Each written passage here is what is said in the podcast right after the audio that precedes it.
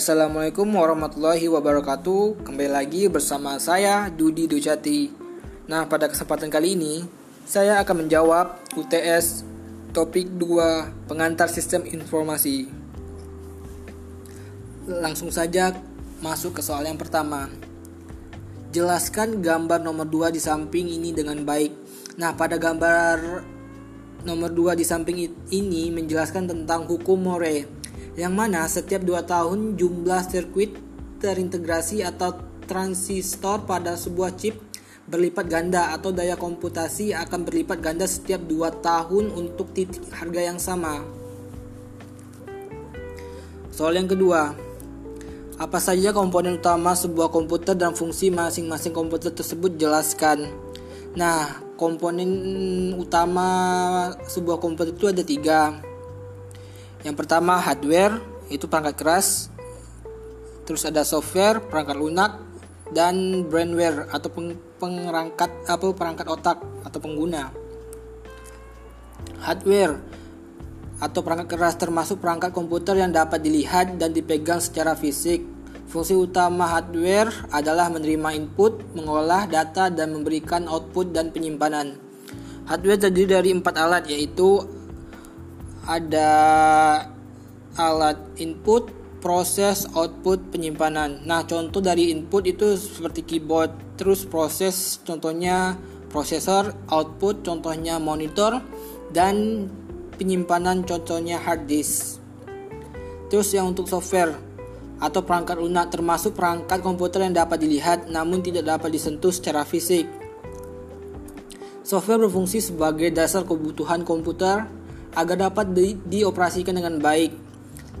Software juga memiliki fungsi dalam mengatur hardware atau perangkat keras yang ada pada komputer. Dengan begitu, komputer yang digunakan dapat bekerja dengan baik sesuai pekerjaan apa yang dibutuhkan.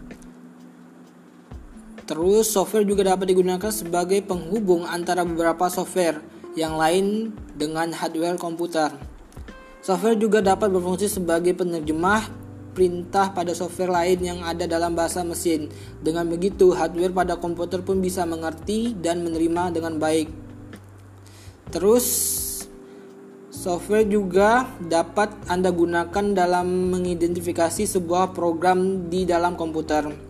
Contoh dari software pada komputer ada Linux, CrowdDraw, dan misalnya C++. Itu merupakan bahasa pemrograman. Yang ketiga soalnya, yang ketiga brandware adalah pengguna komputer atau orang yang mengoperasikan komputer.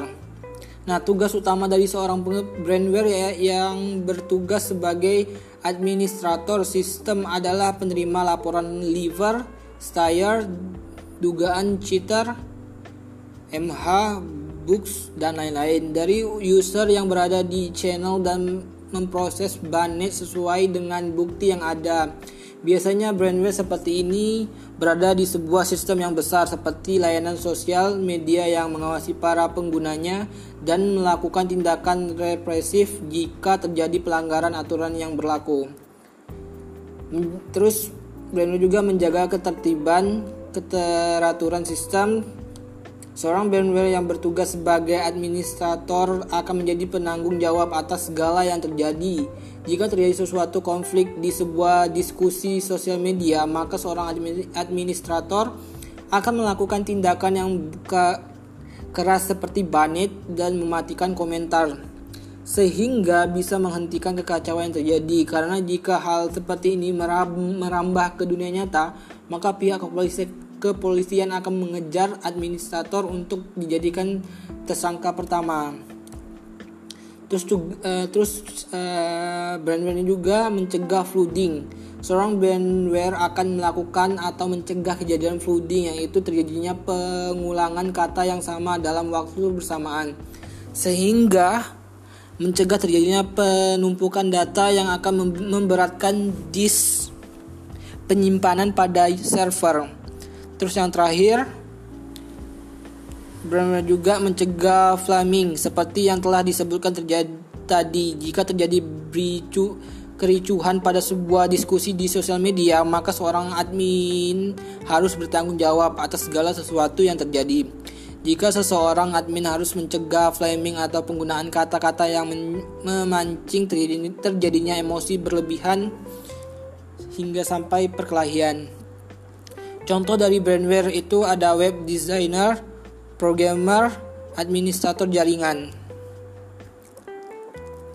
Soal yang ketiga, kap kapasitas memori internal smartphone kamu sebesar 2 GB berapa bits data yang dapat disimpan pada smartphone itu. Nah, kalau misalnya 2G 2GB berarti kapasitas kapasitasnya itu sekitar 2 miliar 147 juta 483.648 bits kapasitas penyimpanan pada smartphone itu. Oke, semoga bermanfaat. Jawabannya saya tutupi wabillahi taufiq wa hidayah. Wassalamualaikum warahmatullahi wabarakatuh.